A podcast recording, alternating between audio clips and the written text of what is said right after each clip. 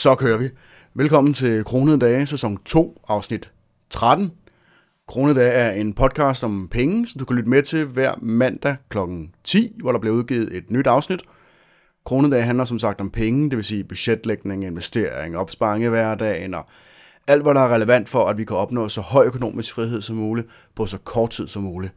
I dag, der vil jeg gerne tale om en, hvad skal vi kalde det, en kom en sammenlægning af en hel masse forskellige kriterier for en god øh, investering, som jeg har bakset lidt med i ret lang tid, og jeg synes efterhånden, at jeg tror, jeg har fået en, en udfyldende liste.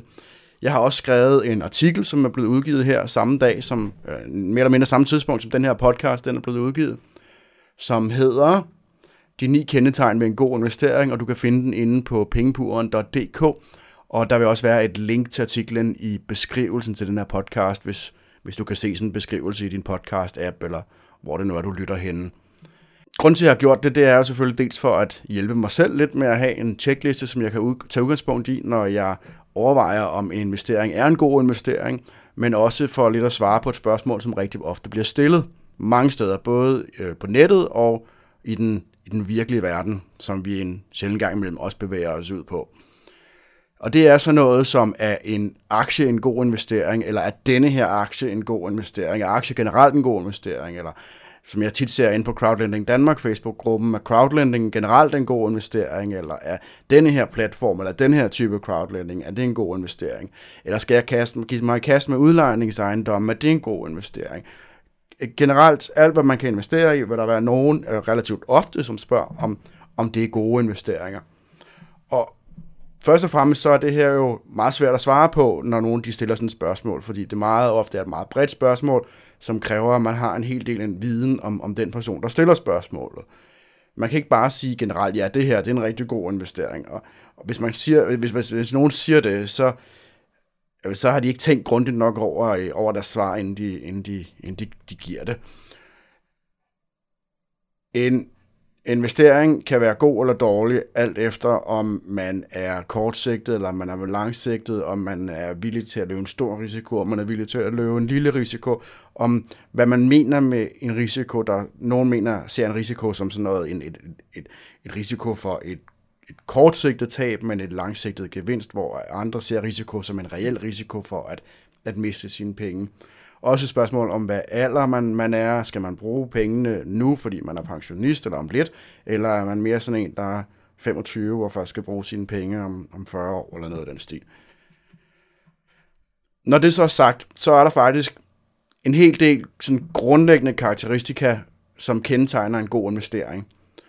Og formålet ved den her podcast og den artikel, som jeg også har linket til, det er at opsummere de her karakteristika i en checkliste, som man så kan benytte, når man sidder med et, en eller anden investeringsmulighed og overvejer, om man har lyst til at kaste sine penge efter, efter det. Alle de her punkter, de behøver ikke at være opfyldt. Jeg tror ikke, at der er nogle investeringer, hvor alle punkterne er opfyldt. Hvis der er, så må du gerne fortælle mig om det, fordi at så vil jeg gerne kaste mine penge efter det. Og nogle af punkterne kan i en vis udstrækning også godt være gensidigt modstridende. Det vil sige, at hvis man siger ja til en, så, så er man nødt til at sige nej til en anden. Øh, det synes jeg ikke generelt det er, men det kan godt være, og om ikke andet så det svar, man, man, man svarer på nogle af de her punkter, kan godt gøre, at det ligesom udelukker, at man kan svare ja til noget af det andet. Men alle de her punkter, det er, hvad jeg mener er kriterier for, at man kan kalde dem god investering. Og så er der det her med vægtningen af dem, fordi at nogen kan godt vægte noget højere end andre. Nogen kan godt sige, at det er rigtig vigtigt, at jeg får øh, en rigtig høj, øh, en, eller forventet rigtig høj stigning i værdien af det, jeg investerer. Øh, og så er det knap så vigtigt, om den er likvid, for eksempel, hvor andre vil sige, at det er rigtig vigtigt, at den er likvid, så jeg kan realisere mine penge med det samme, jeg kan, jeg kan trække penge ud, men det er knap så vigtigt, at jeg får et højt afkast. Hvad er det så for ni kriterier for en, en, øh, en god investering? Den ene, det er, at prisen er lav. Den næste, det er, det vil være en løbende værdistigning, og om du har et kendskab til emnet, og at der forudsættes en lav investoraktivitet, at den diversificerer porteføljen, at investeringen den udjævner risikoen ved din samlede portefølje, at investeringen den genererer en indkomst, at den er likvid, og at den er skatteoptimeret. En investering, som ikke lever op til de her kriterier, den kan sagtens give et højt overskud. Altså man kan sagtens have en investering, som, hvor du siger nej til det hele, og som så alligevel kan give et højt afkast. Fordi en god investering er ikke nødvendigvis det samme som en investering, som er mest sikker eller giver det højeste afkast eller noget af den stil. Det er en samling af kriterier for, om, om man sådan generelt kan sige, at det her det er, øh, det er noget, som man godt kan kaste sine penge ud i, uden at man sådan løber en kæmpe risiko, og uden at man ligefrem med, med, med en vis sandsynlighed taber penge og sådan noget ting. Øhm, man kan sige, at hvis man krydser ja ud for rigtig mange af de her kriterier, så er det højst sandsynligt en, en god investering. Man skal selvfølgelig stadigvæk bruge hovedet og ikke bare investere sådan alt efter, hvor mange ja'er man har. Igen, det er jo også noget med, med vægtningen af dem blandt andet. Men mange ja'er er som udgangspunkt et positivt tegn. Det vil sige, hvis man har en investering, som to investeringer, der ligner hinanden, men den ene, den har lidt flere jaer ud for nogle kriterier end den anden, jamen så vil den formentlig også være en bedre, øh, en bedre investering. Og hvis vi går lidt i dybden med nogle af de her punkter, så, øh, så starter vi med lav pris. De fleste aktiver, som bliver handlet på et frit marked, de vil jo blive, øh, de vil svinge pris. Modsat øh, nogle ting, som handles på et meget reguleret marked, hvor det er staten, der sætter prisen, så vil prisen for langt de fleste varer og aktiver, det vil, det vil, det vil svinge i en eller anden udstrækning. En anden ting, det er også, at prisen ikke nødvendigvis er relateret til selve aktivet.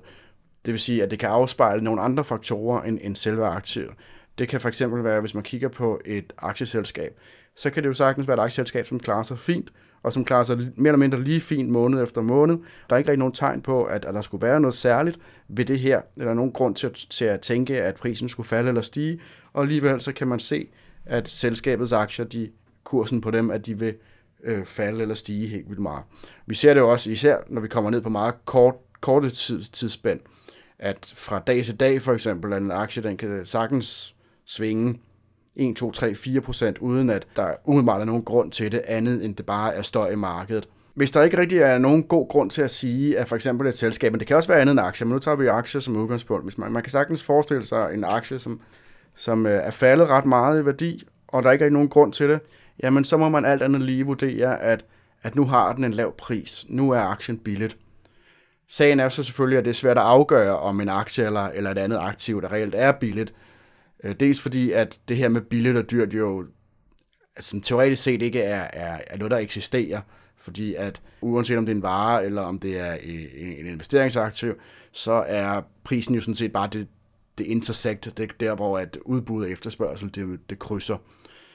Det er sådan den lidt nørdede og den lidt bedrevidende måde at gribe det an på. Men vi, vi ved godt i praksis, at så kan man godt identificere noget som billigt.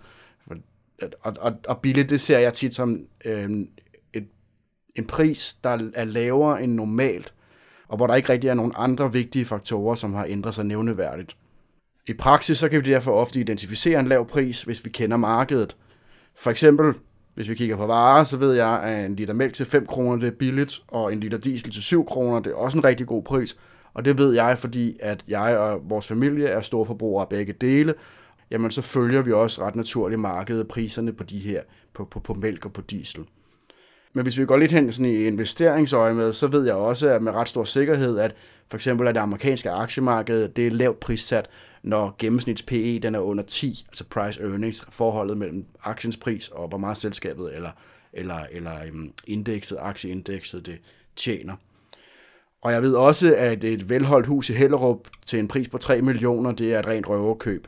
Generelt så kan man sige, at de fleste af os er under de fleste øh, omstændigheder ikke clueless i forhold til, hvad prisen på varer og aktiver er. I hvert fald, hvis det er noget, vi kender til. Hvis vi ellers har styr på, på hvad det er, vi, vi kigger på, jamen så har vi også øh, en rimelig god forudsætning for at vurdere, om prisen er lav. Hvis vi kigger på for eksempel at det her corona jamen så har vi jo set, at aktiepriserne er faldet rigtig meget. Og jeg synes, der har været rigtig gode grunde til at antage, at da de lige var, var, var, var døbet der, da jeg, da jeg prøvede at kaste nogle flere penge efter det, at det var jo, der havde været nogle ting, nogle, nogle faktorer, som gjorde, at, altså, som ligesom kunne forklare, at aktiekurserne var faldet, men, men der var ikke rigtig nogen grund til at tro, at, at det her det var sådan en, en, et langsigtet, permanent fald, om man så må sige. Og det betød jo så også, at, man efter, at aktierne i hvert fald efter min vurdering var, var, var billige på det her tidspunkt. Og hvad er så fordelen ved at købe billige investeringer eller billige aktiver? Det er sådan, kan man sige, det er ret åbenlyst, at dels så er der en ret stor sandsynlighed for, at aktivet det kan sælges med gevinst i fremtiden, men en anden ting er også, at det betyder, at hvis man køber noget billigere, så er risikoen for et yderligere værdifald alt andet lige begrænset. Igen, det er jo så kun, hvis der ikke rigtig er nogen god grund til at tro, at der er en årsag til, til det her fald til det billigere. Det er klart. Kriterie 2, det er en løbende værdistigning. I forlængelse af det her med, hvorvidt et aktiv er billigt, jamen, så kan man også kendetegne et godt aktiv ved, at det har en forventet værdistigning. Og det gælder selvfølgelig især, hvis det er billigt, så kan man forvente i højere grad, at, at, at værdien vil, vil stige over tid, men det kan også godt være en forventet værdistigning over for noget, der ikke nødvendigvis er billigt. Hvis vi tager for eksempel Tesla-aktien som eksempel. Tesla er jeg ikke selv investeret i, fordi jeg er lidt skeptisk, øhm, men der er nok ikke nogen tvivl om, at Tesla ikke er en billig aktie. Men dem, som investerer i selskabet, de tænker, at det er en god investering, fordi selvom det ikke er billigt, altså man, man kan næppe påstå, at det er billigt at købe aktier i et selskab, som, som taber penge til en, en enorm kurs, en rigtig høj aktiekurs i øvrigt. Men, men dem, der gør det, de gør det, fordi at de tænker, at det stadigvæk er en god investering, fordi at de forventer en løbende værdistigning. De forventer, at kursen på Teslas aktier, de vil stige i fremtiden. Et andet eksempel, det er øh, lejligheder i København for eksempel, at der er nok, det er nok svært at argumentere for, at lejligheder i København er billige, øhm, på kvadratmeterprisen i hvert fald. Og alligevel så er der rigtig mange, der køber lejligheder, fordi de forventer løbende værdistigninger i fremtiden, uanset den, den nuværende pris i forhold til sådan det generelle prisniveau øh, for københavnske ejerlejligheder. Kriterie 3, kriterie, kriterie 3, det er kendskab til emnet. Vi har været lidt inde på det. Mange nye investorer, de kaster sig ud i nogle investeringer, som de overhovedet ikke noget, kender noget til, med forventninger om, at de kan tjene nogle lette og hurtige penge. Og jeg vil lige hurtigt indskyde, at der er ikke noget som udgangspunkt galt i at kaste sig lidt ud i noget, som man ikke ved så meget om, og så lære erfaring. Men måske i hvert fald altid være en god idé at lære erfaring, uden at, øh, uden at kaste alt for mange penge efter det. Hvis man ikke har forhåndskendskab, jamen, så er det selvfølgelig meget svært at identificere en god handel, og, og også at se, hvor der er eventuelle faldgrupper. Hvis vi kigger på det hus, som jeg nævnte før, i Hellerup til 3 millioner, så er det ikke bare en billig pris, men det er mistænkeligt billigt. Jeg var for en god ordens skyld igen at tjekke, hvad koster egentlig en billig bolig i Hellerup ind på boligsiden.dk. Og øh, der kunne jeg se, at den billigste bolig, den lå lige under 5 millioner. Så, så der er grund til at være mistænkelig, hvis man ser noget, der er så billigt. Er der en grund til, at et hus i Hellerup til 3 millioner kroner, det er så billigt? Ligger det op af, en, øh, af motorvejen, eller ligger det op af et eller andet andet, som, som folk ikke har lyst til at have som naboer? Der kan være rigtig mange årsager, som for eksempel i det her tilfælde kræver lokalkendskab, eller i det mindste kræver noget viden om, hvordan man stiller de rigtige spørgsmål og, finder, og stiller de rigtige svar. Om, eller er det i hvert fald noget om, hvordan man stiller de rigtige spørgsmål og, og finder de rigtige svar. Fordi hvis man overhovedet ikke kender noget til et emne, jamen, så kan det også være svært at stille de rigtige spørgsmål, og dermed også få nogle, nogle brugbare svar. Jeg ser det for eksempel også i forbindelse med aktier øh, på de sociale medier. Der er mange, der spørger, hvilken aktie skal jeg købe, eller hvad er den bedste aktie til under 10 dollars? Og, og, og så er der en hel masse, der desværre, der er ofte, der sviner spørgeren til, fordi at det der er et dumt spørgsmål, og hvordan kan man spørge om noget af den stil, og bla bla bla. Men det er jo sådan, at hvis man er helt ny i aktieinvestering, hvis man ikke kender noget til emnet, så er det ret svært at vide, hvad det rigtige spørgsmål er. Så hvis man kender noget til emnet, så er det klart et tegn på, at, at vi er inde i i, i et investeringsområde, som, som kan være, være godt for den enkelte investor. Så har vi øh, lav investoraktivitet. Lav investoraktivitet, det vil sige, at investorer de skal foretage sig mindst muligt øh, for at tjene sit afkast. Det vil sige, at de skal bruge mindst tid på at foretage nye investeringer og administrere porteføljen og den slags. Selvom at der er mange, inklusiv mig selv, øh, som morer sig med at, at have aktive investeringer og som ser det som lidt en hobby, så er en god investering som udgangspunkt karakteriseret ved, at den er passiv. Ved en aktiv investering, så betaler man med sin tid, og som de fleste ved, så er tid penge det er, hvis man bruger 10 minutter på at sidde og administrere sine investeringer, jamen så har man 10 minutter mindre til at arbejde, eller hygge sig med familien, eller se nogle venner, eller et eller andet andet i den stil. Så som udgangspunkt, så er en passiv investering bedre end en aktiv investering.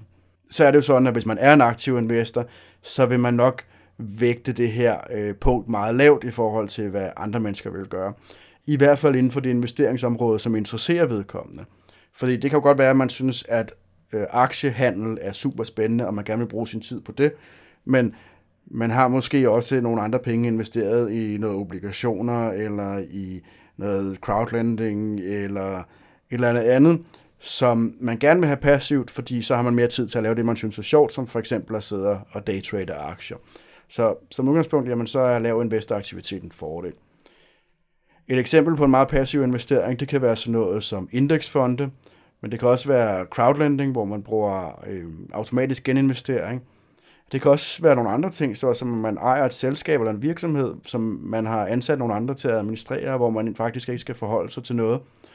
Jeg ved ikke, hvor godt det fungerer i virkeligheden, men i hvert fald i teorien, så kan det jo sagtens lade sig gøre sådan noget som meget aktive investeringer, det kan jo selvfølgelig være daytrading, men det kan også være ejendomsudlejning, hvis man selv køber nogle ejendomme, og man selv skal forholde sig til at hente, indhente en håndværker, der skal, der skal fikse noget hver gang der er noget, eller man selv skal fikse det og sådan nogle ting, og man skal finde nye lejere og sådan nogle ting. Det er et klart eksempel på en, en investeringsform, som bestemt ikke er passiv.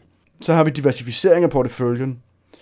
De fleste investeringer, de kan bruges, altså fleste nye investeringer, de kan bruges til enten, at man øger eller at man sænker sin porteføljes diversificeringsgrad. Diversificering, det er jo, at man, man spreder sine investeringer over mange forskellige ting, så man ikke er eksponeret over for, for nogle få øhm, øh, aktiver eller nogle få investeringer, øh, og dermed ikke er så, så øh, påvirkelig, hvis der skulle ske noget inden for et, et enkelt område på aktiemarkedet, eller hvor det nu er, man har sine penge investeret. For eksempel så vil obligationer, hvis man køber obligationer, jamen, så kan det bidrage til at diversificere en portefølje, som for eksempel hidtil kun har bestået af aktier. Investering i aktivklasser, som man ikke i forvejen har, det vil som udgangspunkt øge diversificeringen, som sagt. Men hvis investeringen er meget stor, den nye investering er meget stor i forhold til den eksisterende portefølje, så vil diversificeringen reelt kunne være faldende. Hvis nu for eksempel vi kigger på nogle af de her ejendomsprojekter, som man kan købe hos, hos øh, nogle af de der investeringsforeninger eller investeringsselskaber, hvor at man skal starte med 750.000 kroner, jamen hvis man i forvejen har en aktieportefølje på 10 millioner, jamen så vil man øge sin diversificering ved at smide 750.000 efter noget ejendomsprojekt, fordi så er man ikke kun eksponeret mod aktiemarkedet.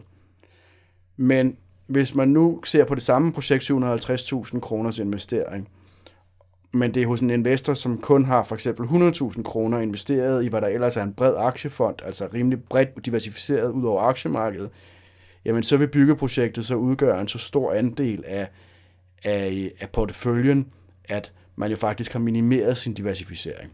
Og lidt i forlængelse af det, så har vi også den, der hedder udjævne risikoen for den samlede portefølje.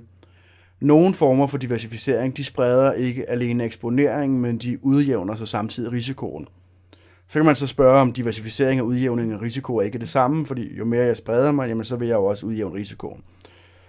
Og det er også til en vis grad rigtigt, men, men jeg deler de to op i diversificering og udjævning, fordi at man kan sagtens have en diversificering, som ikke kun udjævner meget, meget marginalt. Måske sænker risikoen, men ikke udjævner risikoen.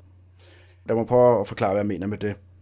Hvis man for eksempel har aktier i Shell, og man så senere køber aktier i British Petroleum, eller PB, eller hvad de hedder i dag, så har jeg reelt diversificeret min portefølje.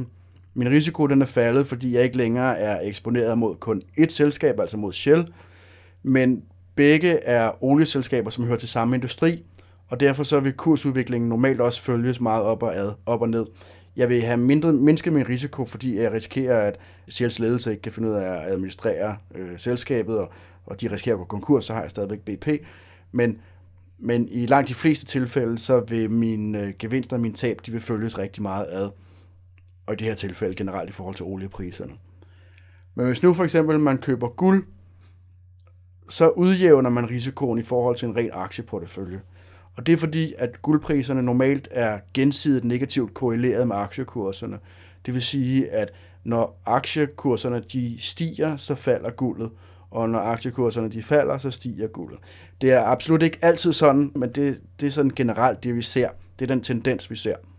Og man kan sige, at det giver måske også i det her tilfælde meget god mening, at, at hvis, øhm, hvis folk de mister tilliden til aktiemarkedet, så forsøger de at flytte dem over nogle andre aktiver, som blandt andet guld, men også obligationer blandt andet. Og hvis vi sådan kigger tilbage i tid, jamen, så kan vi også godt se, at en portefølje, som består af 50% aktier og 50% guld, jamen den vil have meget mindre udsving.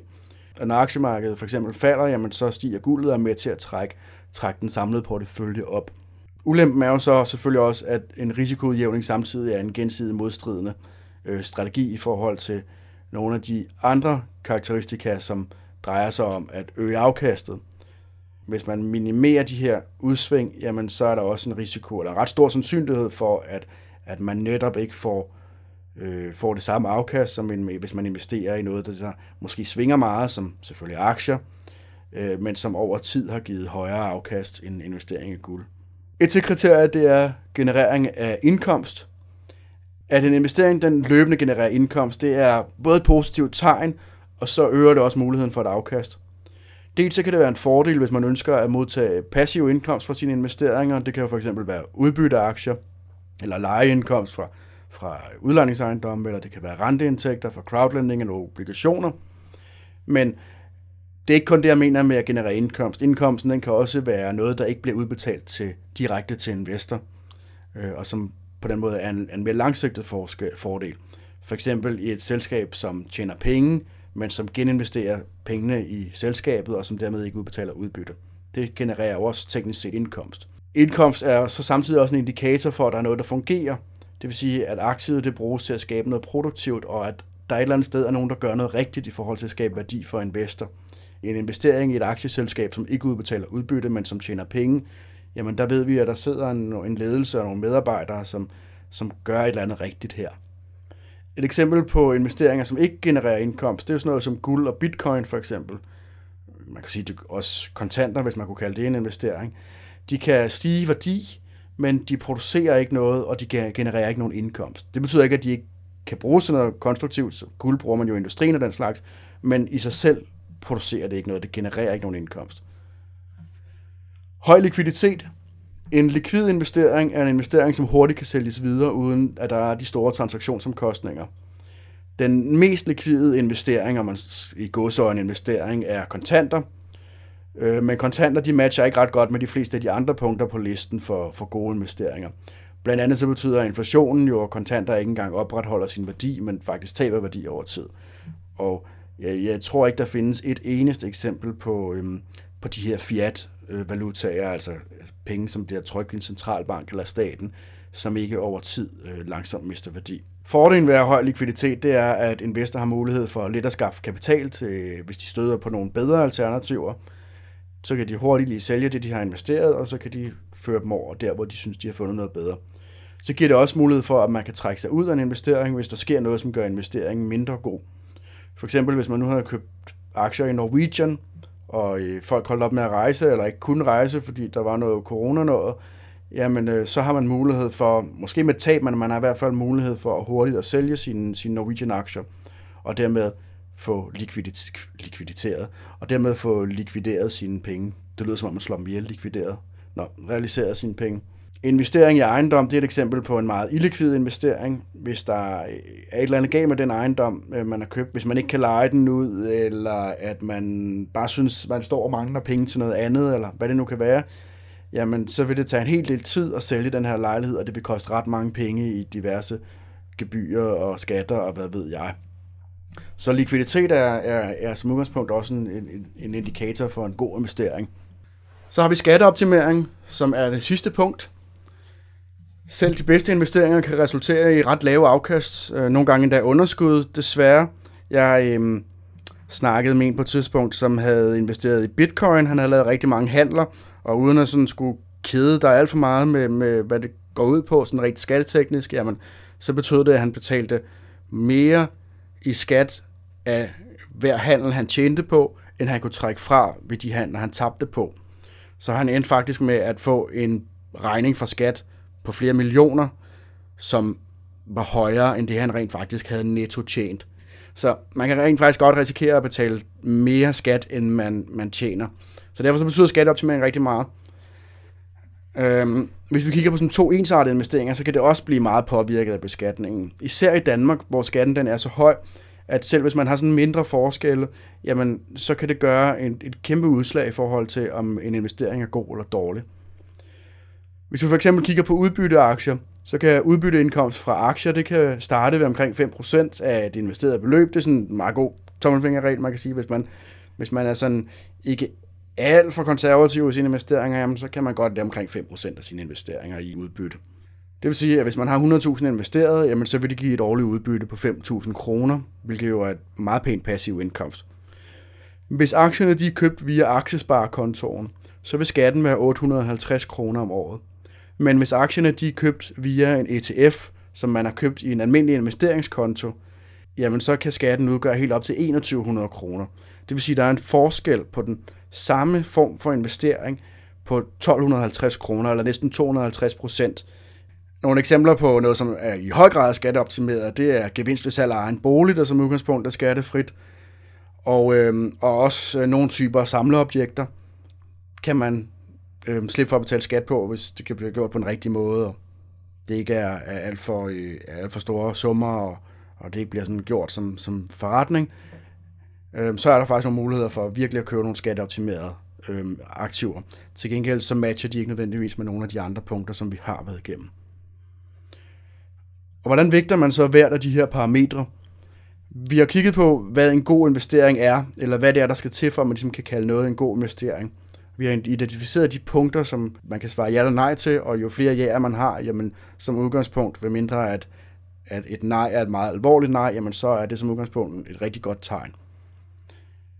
Men hvordan vægter man så de enkelte punkter? Det er så her, at vi kommer ind på noget, som er meget individuelt.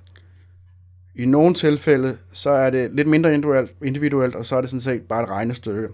Hvis man for eksempel sammenligner en investering med en høj løbende værdistigning og en høj skattesats med en tilsvarende investering, hvor værdistigningen er lavere, men skatten også er lavere, jamen så er det alt andet lige bare at åbne Excel, eller Google Sheets, eller hvad det nu er, og, og, og så regne på, hvad der er den bedste ting. Men andre gange, og ofte, så er det jo i højere grad et spørgsmål om, om ens følelser eller om ens personlige præference. Foretrækker man for eksempel en investering med en høj løbende værdistigning og en lav indkomstgenerering, eller vil man hellere have en med en lav løbende værdistigning, men en højere indkomstgenerering? Det er sådan, det er spørgsmålet om, hvem man er. Det var de ni kriterier for en god investering. Jeg har, hvis du går ind på pengepuren.dk og øh, tjekker forsiden, eller klikker på linket i beskrivelsen, hvis du kan se en beskrivelse på din podcast-app, øhm, kommer ind på artiklen, så vil du se, at jeg også har lavet en, en checkliste, en pdf-fil, som du kan downloade, hvor at vi gennemgår alle punkterne sådan meget kort, stiller et spørgsmål og siger, er den her øhm, skattemaksimeret, eller er den billig, og en, en lille ekstra beskrivelse en gang imellem. Hvor dokumentet så også minder dig om, at prioritere vægtningen af hvert punkt, efter sådan din egen overvejelse, dine egne prioriteter og din egen situation. Og ligesom jeg har skrevet i artiklen, så skal man huske, at en checkliste ikke er en facitliste, det er dine penge, og det er i sidste ende din vurdering, hvorvidt din investering den er god. Så hvis du synes, du kunne bruge det her til noget, og måske endda bruge pdf'en, jamen så prøv at overveje at gå ind på pengepuren.dk slash support, og, øh, og give en lille smule drikkepenge. Jeg synes, det er en lille smule sløvt. Jeg er super glad for dem, der har givet, men kom nu, hjælp den fattige penge på øh, under, undervejs fremad, eller hvad man nu siger. Øh, jeg bruger jo trods alt en del tid på at lave den her podcast. Anyway, uanset hvad, så er jeg glad for, at du lyttede med, øh, så tak for det. Og i næste uge, så tænker jeg, at øh, det bliver endnu en boganmeldelse. Jeg har, øh, jeg har købt en ny bog, som ingen af jer sandsynligvis har læst. Og derfor vil jeg gerne anmelde den, fordi det kan være, at I synes, at den skulle være værd at læse. Men det bliver først i næste uge. Kan I have en, en rigtig god uge, og pas godt på jer selv derude.